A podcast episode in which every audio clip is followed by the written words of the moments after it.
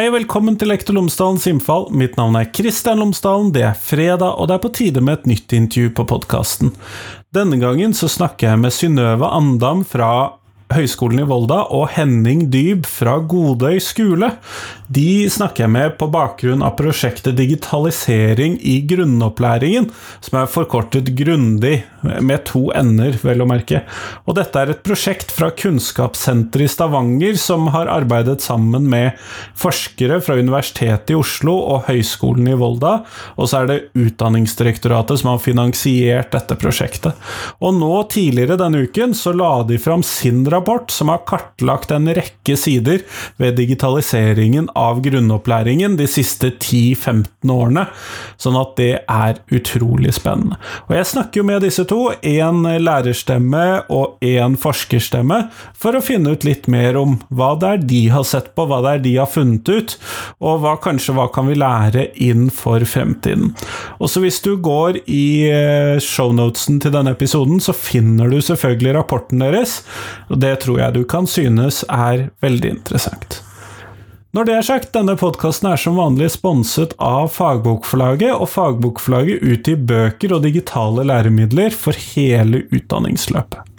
Fra barnehage til høyere utdanning og profesjonsstudier, samt norsk for minoritetsspråklige. Og det siste året så har det kommet en rekke spennende titler til lærerutdanningen, en av disse er lekende læring og lærende lek i begynneropplæringen, og i denne boken, Lekende læring og lærende lek, utforsker forfatterne ulike tilnærminger til lekbasert undervisning. I fag, på tvers av fag, i skoledagen, i skolemiljøet osv. Så, videre. så her er det mye spennende. Den heter altså Lekende læring og lærende lek i begynneropplæringen. Det finnes også en for senere i skoleløpet, men det er altså begynneropplæringen som er en ny bok nå. Men Fagbokforlaget kommer stadig ut med nye læremidler, så følg med på fagbokforlaget.no. Men nå, nå skal du få høre Synnøve og Henning. Vær så god.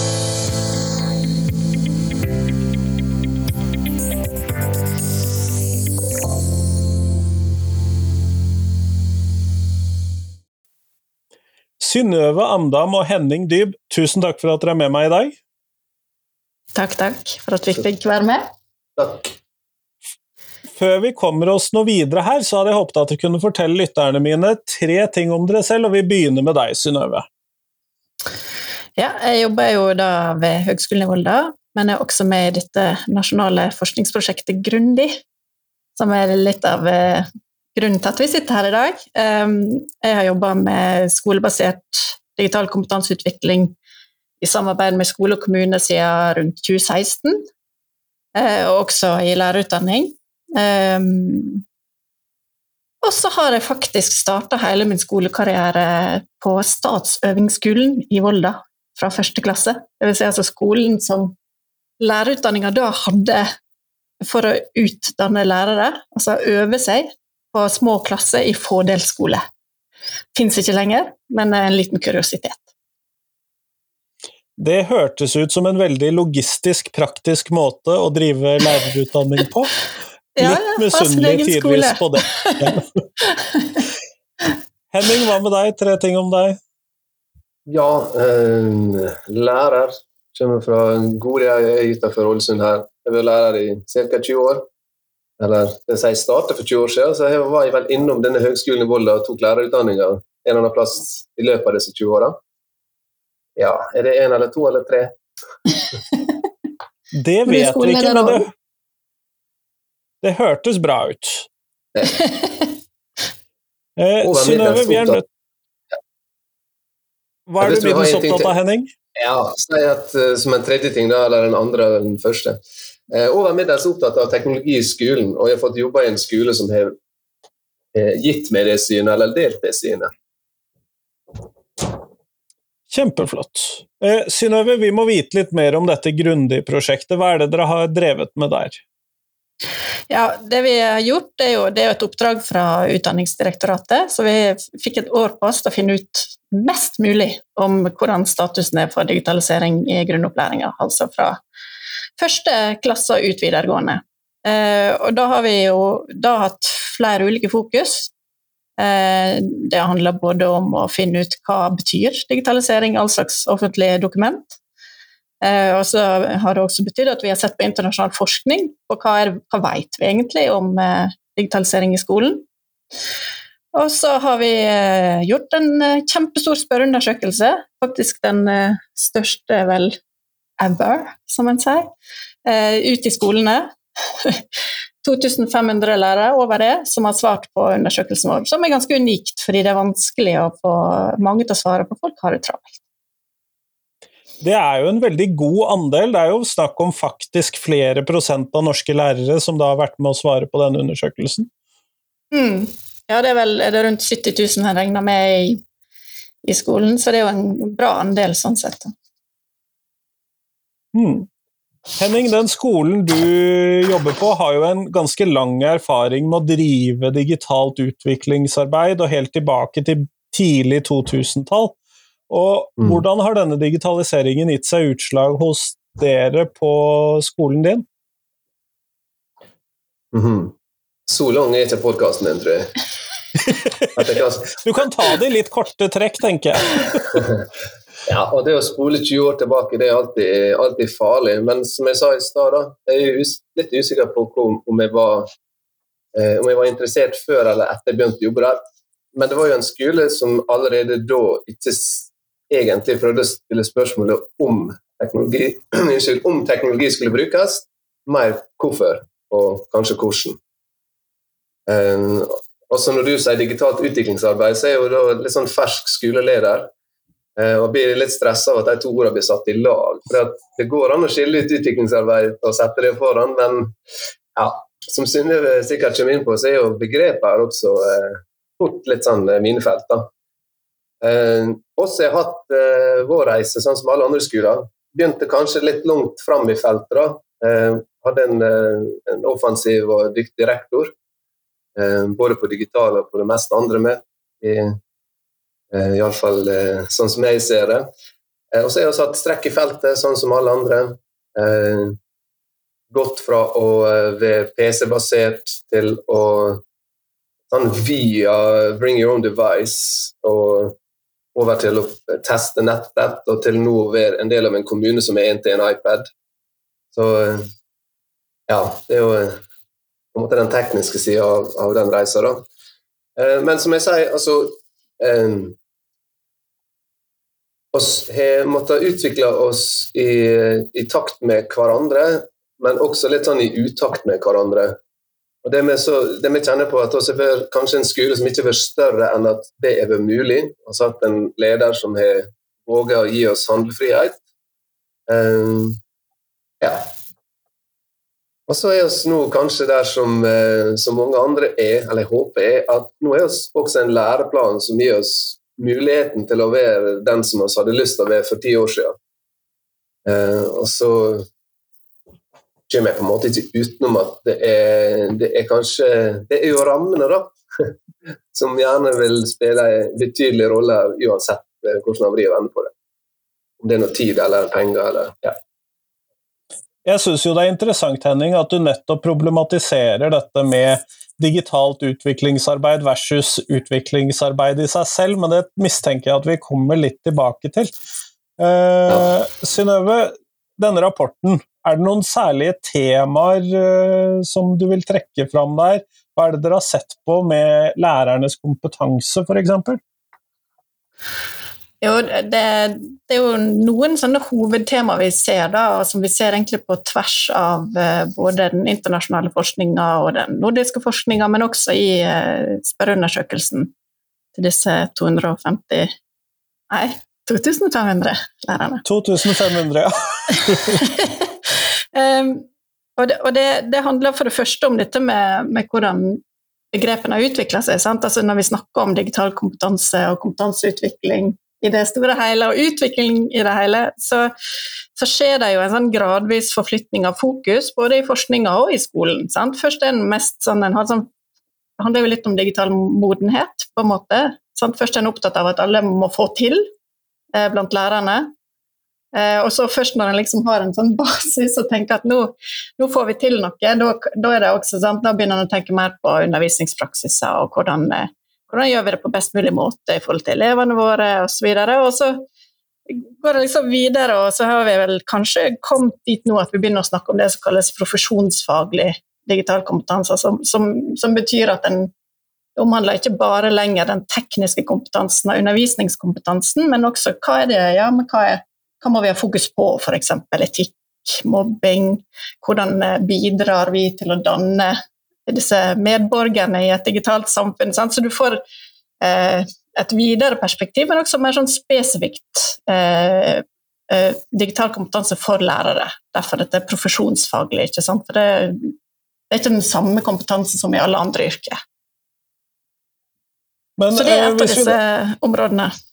For ja, eksempel, og hvis du da skal se på profesjonsfaglig digital kompetanse, hva, det er jo et litt sånn svømmende begrep, da. Det sier jo ikke så mye. Hva, mm. hva, hva, inneholder et sånt begrep? Ja, og det er jo noen av disse tingene vi har sett spesifikt på. ikke sant? For hva er det som ligger i alle disse her begrepene som svirrer rundt oss? Eh, og det vi ser fra internasjonal forskning nå, slik den er på en måte status her og nå, så innbefatter den i tillegg til dette med sånn teknisk, fagspesifikk, pedagogisk kompetanse, som gjerne blir sett på som disse generelle eh, tingene vi må ha på plass. Sant? Så handler det også om f.eks. holdninger til teknologibruk. Altså hvis du som utgangspunkt er redd for datamaskiner, så vil du en helt annen eh, inngang til å på en måte lære elevene noe om, om digitale ferdigheter. ikke sant? Eh, det handler om en kulturell bevissthet. Hvordan eh, klarer du å på en måte ta i bruk den kompetansen elevene bringer inn i klasserommet? Eh, og hvordan klarer du å, å, både for din egen del å være kritisk som lærer til hva, når du skal bruke digitale ressurser, og hva digitale ressurser som er, bruker, eh, som er gode. På ene sida, og på andre sida hvordan øver du elevene dine i å bli kritiske i møte med all slags eh, sosiale medier og eh, ressurser og ja, ideer og falske nyheter sant? som de vil møte konspirasjoner. Så, eh, så, og så er det litt sånn uh, Dette også med hva slags, hva slags læringssyn har du? Sant? Hva er du opptatt av når du driver undervisning? Det er mange sånne faktorer da, som du på en måte kan se i sammenheng, og som vi får mer og mer på måte, grep på. og Det er jo derfor dette er litt sånn svømmende profesjonsfaglig digital kompetanse begynner kanskje å utkrystallisere seg nå etter hvert som vi vet mer om hva som må til da, for, å, for å få til det vi vil i norsk skole i forhold til læreplaner og i det hele tatt. Henning, hvordan ser dette ut på, eller hvordan tenker dere rundt denne profesjonsfaglige digitalkompetansen på Godøy skole? Tør jeg å svare på vegne av oss alle der? Um, du kan i hvert fall si det offisielle svaret som avdelingsleder. ja, det var det, da. Det er ofte ingen kommentar, det gjelder. Nei, eh, nå sa jeg det som jeg sa i stad. Og, og, i lys av det så blir det litt det samme her, da, at, eh, at begrepet er viktige. og så Hvis det blir for stort og for ullent, så er det vanskelig å forholde seg til. Mm. Um, og så har hun jobba med det som skole, altså som en del av utviklingsarbeidet vårt, ganske nylig, eh, da i samarbeid med Høgskolen i, i Volda. Uh, og, men hvis du spør meg hva, en, hva oss på Bodø skole tenker profesjonsfaglig digital kompetanse er, uh, så håper jeg at det Eh, og iallfall har det perspektivet som, som, løfter det ut av det å, å kunne Office-pakken eller eh, ha sånn teknisk kompetanse på iPaden. Eh, til å innbefatte en del av de perspektivene som Synnøve løfter fram. Da. Og bare holdning til teknologibruk, både at det kan brukes til noe bra, og det kan fort komme i veien for det som vi hadde som intensjon når vi begynte å bruke det, er jo kjempeviktig.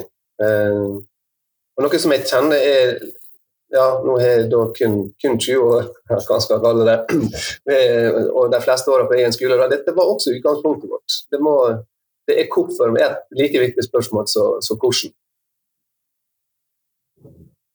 Ja, mm. det er jeg jo for så vidt enig i, men dette her var jo bare ett tema. Eh, hvilke andre temaer var det dere hadde oppe, Synnøve? Ja, som sagt, der, der er jo noen sånn, som går igjen, og dette med profesjonsfellesskap det er jo ikke ukjent ellers i, i uh, all slags skoleforskning, eller all slags Det vet en jo når en jobber på skole, hvor viktig uh, skolekultur og profesjonsfellesskap er. Uh, men det vi på en måte kanskje en litt sånn tilleggsdimensjon som en ser i forskninga, er jo at eh, forholdet til elevene, altså deres digitale kompetanse, blir også veldig viktig. Altså hvis en, hvis en får til dette her med å, å ta i bruk eh, den mediekulturen eller digitale kulturen som elevene har, så får en en sånn eh, gjensidig forsterkning i kompetanseutvikling eh, ved at eh, lærerne blir bedre på å skjønne hvordan en kan bruke ting i klasserommet som gjør at elevene får motivasjon og mestring. Og elevene opplever jo da høyere grad av mestring og på en måte får styrka sin digitale kompetanse og interesse for det faglige. Så, så det er noen sånne ting som kanskje ikke så ofte blir framheva som, som, viktig. Og samtidig så er jo selvsagt dette her med lærerfellesskapet og, og profesjonskulturen på skolene kjempeviktig for å kunne få til noe som helst, altså om det er digitalt eller ikke. Eh, men det er jo en av disse her tingene vi også ser igjen i spørreundersøkelsen vår. Da. Eh, at når vi spør da om hva slags type støtte som er viktig, så er all støtte All støtte er kjempeviktig. Kollegastøtte er det som blir framheva mest av lærere og av ledere, faktisk. Og lederne de mener at støtte er enda viktigere enn lærerne, mener. Så, så, så, dette med å ha gode støttestrukturer er, er veldig avgjørende og veldig sånn styrende for hva en kan få til. Og, eh, et eh, sånn interessant funn som vi blir nødt til å gå enda dypere inn i, eh, det er jo dette med at de som sjøl oppgir at de er nybegynnere eller har lite erfarne når det gjelder digital kompetanse, de mener de ikke får nok støtte, og de mener at tiltakene som blir gjort, ikke funker. Mens de som har middels eller høy kompetanse, de syns det funker. Så det er litt sånn eh, Det vi kanskje må se litt nærmere på, er hva, Treffer vi de som virkelig trenger det? Ikke sant? Altså, har vi kommet dit nå at vi er liksom gått Vi er liksom ferdig med den tekniske innføringa. Eh, tenker vi liksom Nå er vi kommet til at vi jobber med det i klasserommet, og vi holder på og prøver ut. Sant? Men så er det altså en andel som aldri fikk kobla seg på. Som blir liksom sittende litt utafor. Eh, så kan en jo selvsagt diskutere er det selvvalgt eller ikke, men det, det, er vel kanskje ikke noe vi skal ta ned på skolenivå, iallfall. Henning, kjenner du deg igjen i noe av dette? Ja. Jeg kjenner vel ikke utenom det. Uh, Altså, strekk i feltet er jo noe som vi har opplevd sjøl hele veien, og er fortsatt. Eh, og da, men Jeg skal ikke harselere med det heller, da, men det, det, jo være strekk i feltet på andre områder også. Eh, det som tidvis er frustrasjon også lokalt, men kanskje når jeg, når jeg snakker om det på, eh, i, i, større sammenhenger, det er jo at vi fortsatt stiller omtrent samme spørsmål til om oss må gjøre det i eh, ja, i 2020, kanskje ikke 2020, men si 2015, som vi gjorde da rundt 2000.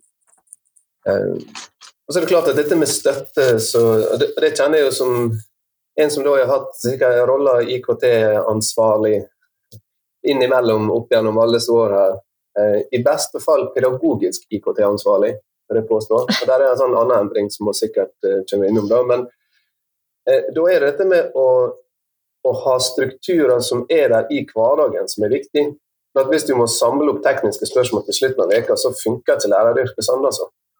Eh, og En av måtene oss har løst det på, iallfall hvis jeg får se i et sånt langt perspektiv, da, igjen ved skryte av uh, min tidligere leder, da setter du opp kollegaer som samarbeider på en måte som gjør at de påvirker, påvirker hverandre sin praksis og ser hverandre sin praksis. Da har du den støtta veldig nært på. Eh, mens, mens, hvis du da skal ha kurs Litt sånn som elevene, hvis jeg skal ha dragere. Det hjelper ikke å ha kurs i Excel en gang i året hvis vi vil de skal bruke det som verktøy i matematikkundervisning. Det oss er nok eh, oss er nok elever, oss også, da. Eh, og mange av de samme tingene vil gjelde. Ja, og det, og det ser vi jo. Hvis jeg bare hvis jeg bare kommenterer det, altså det, det helt, altså igjen da, Forskninga slår jo helt klart fast akkurat dette med hvordan skal få til kompetanseutvikling. Da er det jo dette nære. Altså det å utforske i lag. Sant? som kollegium en kjempeviktig faktor for å få til utvikling, for at en skal se hva som er mulig, og bli trygg på hva som er mulig. En annen ting eh, det, hvor det ofte kan være litt strekk i laget, er jo ulike sider ved hvordan vi ser på ting, og hvordan man eh, eh hvordan vi ser på elevsyn, læringssyn osv. En del mener jo det at det å digitalisere skolen, det gjør noe med synet på læring. Eh, og jeg lurer jo da, Henning, fordi at dere har jo lang erfaring med denne, dette digitale arbeidet. Ser du noen sammenheng mellom den digitale utviklingen dere har vært med på, og hvordan dere diskuterer undervisning og læring? Ja, altså det Jeg vet ikke helt hvordan jeg formulerer det på en, på en god måte, men uh, når jeg satt og, og forberedte meg og skulle tenke gjennom det, så er det noe med at hva kom egentlig først? Og Da uh, var rektor uh, Åshild Støvald på det tidspunktet, så nå er hun på ingen måte en teknolog uh, eller veldig opptatt av det digitale i seg sjøl. Men hun så et potensial egentlig da i Først kanskje i ungdomskulturen. Og at det er bare det å bygge bru over til deres si fritid, og noe som de hadde kompetanse på, eh, var en mulighet. Og så fra det og inn i eh, da, altså Internett startet ikke da, men internett i skolen var fortsatt ganske nytt når du, når du er i 2000. Hva slags muligheter som ligger der i å ikke bare konsumere lærstoff, men å skape sine egne læringsarenaer. Eh, samhandle for så vidt internt i skolen, men kanskje til og med også utover til, til verden. Da. Eh, og da, Uten at jeg skal slenge rundt med navn på kjente pedagoger osv., så, videre, så er vi jo innom, innom læringssyn her, helt klart, og også elevsyn.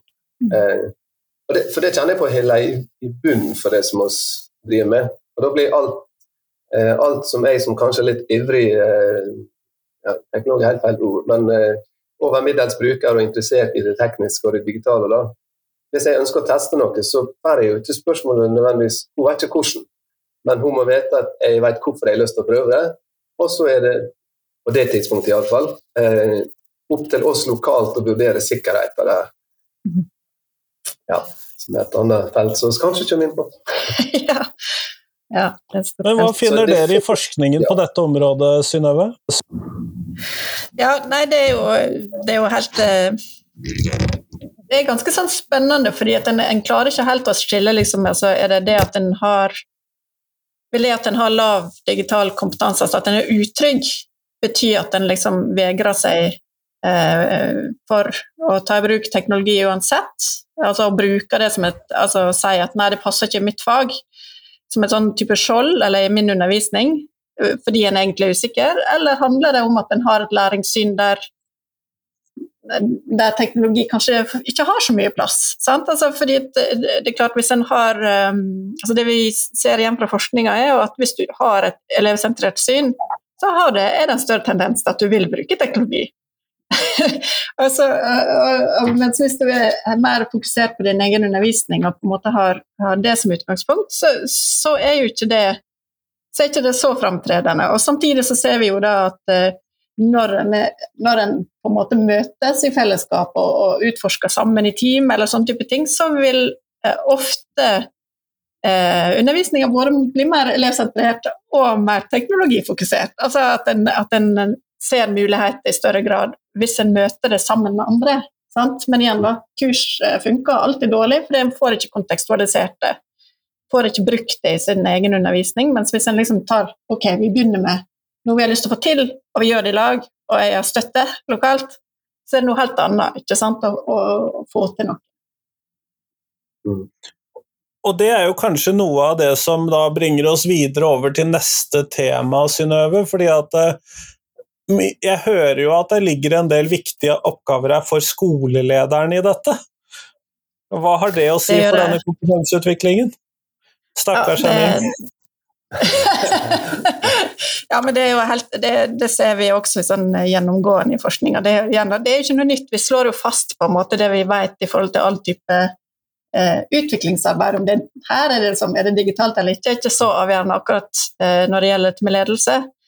Eh, men spørsmålet er jo hva slags digital kompetanse har lederne? Eh, for hvis du har eh, ledere som har på en måte en god forståelse av altså er åpne for å ta i bruk teknologi, sånn som lederen din, Henning. ikke sant? Eh, så er det en annen ting enn hvis du har en som ikke er digitalt kompetent og blir veldig opptatt av eh, GDPR og sikkerhet og det, vi må følge alle regler og alt mulig sånt. Altså, så det er noe med at eh, lederen må både ha en sånn kontekstforståelse da, og en egen digital kompetanse som åpner for muligheter. ikke sant? Så Det er liksom en sånn grunnforutsetning ser vi da i, i forskninga, men samtidig handler det jo selvsagt om å tenke langsiktig, avsette tid og ressurser. Eh, tenke på det som lokale utviklingsarbeid og ikke som kursing. Eh, så, det handler jo om å bygge et profesjonsfellesskap med felles begrepsbruk og felles forståelser, og, og der en ja, driver med skoleutvikling.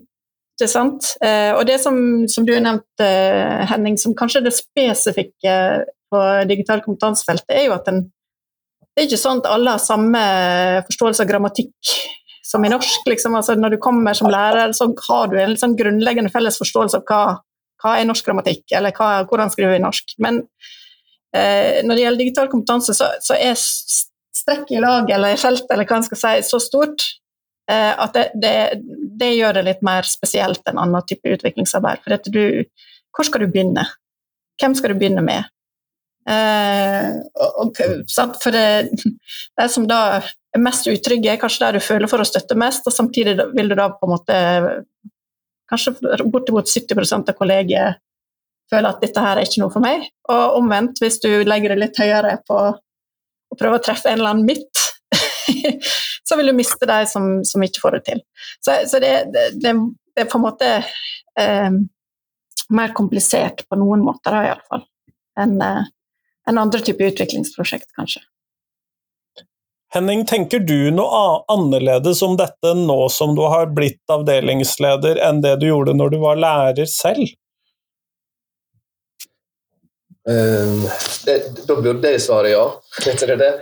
Eh, jo, eh, nå har jeg jo Jeg har vært så vidt innom roller tidligere, eh, bare for å ha sagt det også, da. Um, Storleiker i, i, mindre kommuner er sikkert ikke uvanlig.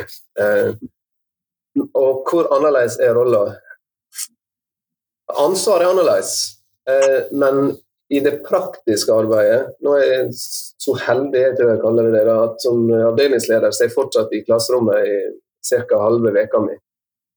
Eh, og, og inngjenger fortsatt i noen samarbeidsrelasjoner med kollegaer der oss utvikler hverandre sin praksis. Eh, og det er jo lett Det er en bedre rolle å ha eh, altså når det gjelder det mestre. Det som er annerledes, er jo at det er helt overordna ansvar for hvor vi vil helst. I lag med rektor og, og ledelsen lokalt og i, i kommuner. Og den er som eh, Du er innom noen av de utfordringene som du har. Og, og ramme er, er, er igjen da en sånn annen utfordring generelt sett så syns jeg at vi kanskje prøver på litt for mye på kort, for kort tid. Eh, og at så synes vi innom det eh, Når vi nå har hatt et digitalt utviklingsarbeid, unnskyld, så jeg måtte vi jo velge å utvide tidsrommet. Eh, hadde satt opp et år samarbeid med, samarbeid med Høgskolen i Volda, men ser at hvis vi komprimerer dette på et år, så, så rekker vi på en måte ikke prosessene.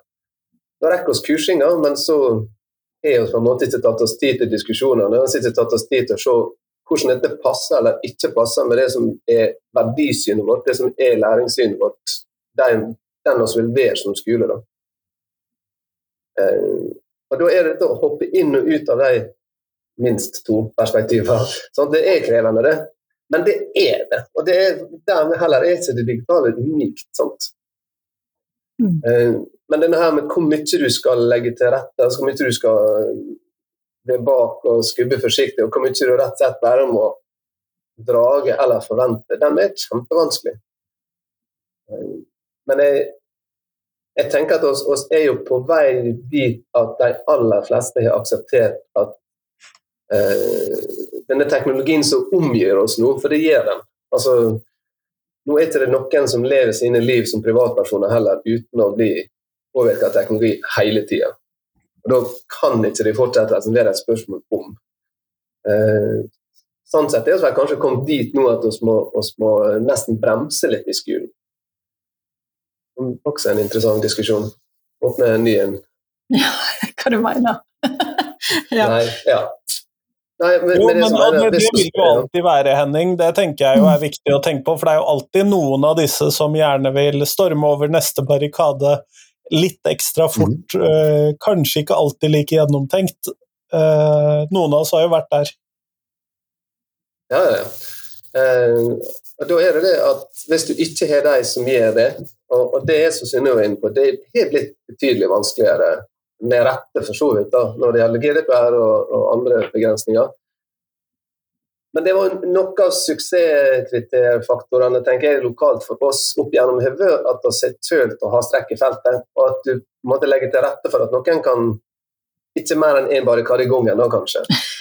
Og så må du på en måte speile det både med kollegaene dine og med, med lederne dine. OK, men hva fant du ut? Og var det det du tenkte det skulle funke? Og hvis så, tenk oss, kan vi ta med flere? Er det sånn at sånn gjør oss det nå videre? Hva skal til for at vi får til det? Eh, og Noen ganger vil det handle om teknisk kompetanse, noen ganger handler det om et ganske stort steg i læringssyn og elevsyn, kanskje. Og Det jeg mente med for mye, det er jo at nå er iPaden inn én til én, men det betyr at vi kan bruke den veldig mye. Og kanskje skal det oss det, men kanskje skal ikke oss det. Eh, og det var, det jeg mente at eh, nå når den omgir oss hele tida, så har vi kanskje til og med fått roller nå der vi må være med å moderere og begrense bruken. Og den er jo, kjenner jeg på er mer uvant, men like viktig. Kjempeflott. Uh, og de som har lyst til å lese rapporten, så mistenker jeg at det ligger en lenke i shownotesen til denne episoden, sånn at man raskt kommer fram til den for de som har lyst til å lese den. Men begge to, før vi avslutter, siste spørsmål som jeg stiller til alle jeg intervjuer for tiden. Og jeg starter med deg, Synnøve, denne gangen òg. Hvilken lærer har gjort størst inntrykk på deg, og hvorfor det? Oi. Å, det er så mange. Um, jeg, jeg, må få lov til å nevne to, da. Fordi jeg, jeg, var så heldig å gå på denne her forsøksskolen, hvis det er greit. Fordi det, det er klart, i min uh, jeg tror det har prega mitt uh, syn på læring egentlig hele livet mitt. Da, at jeg gikk på denne her uh, forsøksskolen der vi egentlig var sånn forsøkskaniner på pådelt skole fra første til tredje klasse. og Vi var sju stykker i klassen, men vi gikk jo sammen da med andre, andre trinn samtidig. Og da var fru Mysja, Ingeborg Mysja, en sånn den gode småskolelæreren og så flytta jeg da til Bergen i fjerde klasse og begynte da i en skikkelig altså i Åsane, det verste dravant. Og da kom jeg i D-klassen med 29 elever. som var en helt annen type læringskontekst, som jeg lærte veldig mye av den overgangen. Uh, og da var det Karin Magnusson som var på en måte en fantastisk eh, pedagog i en sånn setting. Kjempeflott. Hva med deg, Henning? Nå legger vi jo opp til at jeg også må finne to, da. Etter det en del av sjangeren? Å oh, nei, det velger du helt selv. Nei, det var litt, litt tøys, men det gjorde det litt enklere for meg, kanskje. Jeg har hatt eh, mange dyktige lærere opp igjennom. Ganske vanskelig å, å velge. Men eh, i, i, gamle dager så hadde jeg så gjerne en lærer i mange år i strekk. Så den jeg hadde lengst, og som eh, faktisk var litt innovativ i sin tid, han heter Bjørn Mannsverk. Eh, når det står snakk om metode og, og læringssyn og elevsyn. Eh, og så tror jeg det pga. måten jeg har havna inn i læreryrket, så er det faktisk en kollega eh, som heter Sissel Thomassen, som jeg har fått spara mye med opp gjennom alle disse åra, og som eh, ja, også har gjort eh, inntrykk og sikkert avtrykk på hvem jeg ble som lærer. Kjempeflott. Tusen takk begge to, og takk for at dere ble med. Tusen takk, takk for, for meg. Takk, ja, takk veldig kjekt.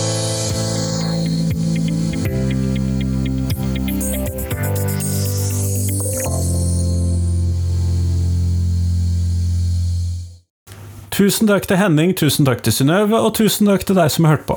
Nå er det fram til tirsdag. Da kommer det et nytt intervju på podkasten.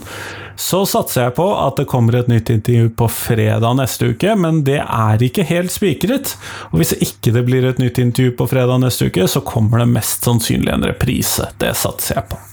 Det er litt sånn fluks om dagen nå før jul. Jeg håper jo selvfølgelig, sånn apropos jul, at du har tid til å puste litt, sitte ned, tenne adventslys, ta det med ro, slappe av, alt dette vi trenger for å lade opp frem til neste skoleår.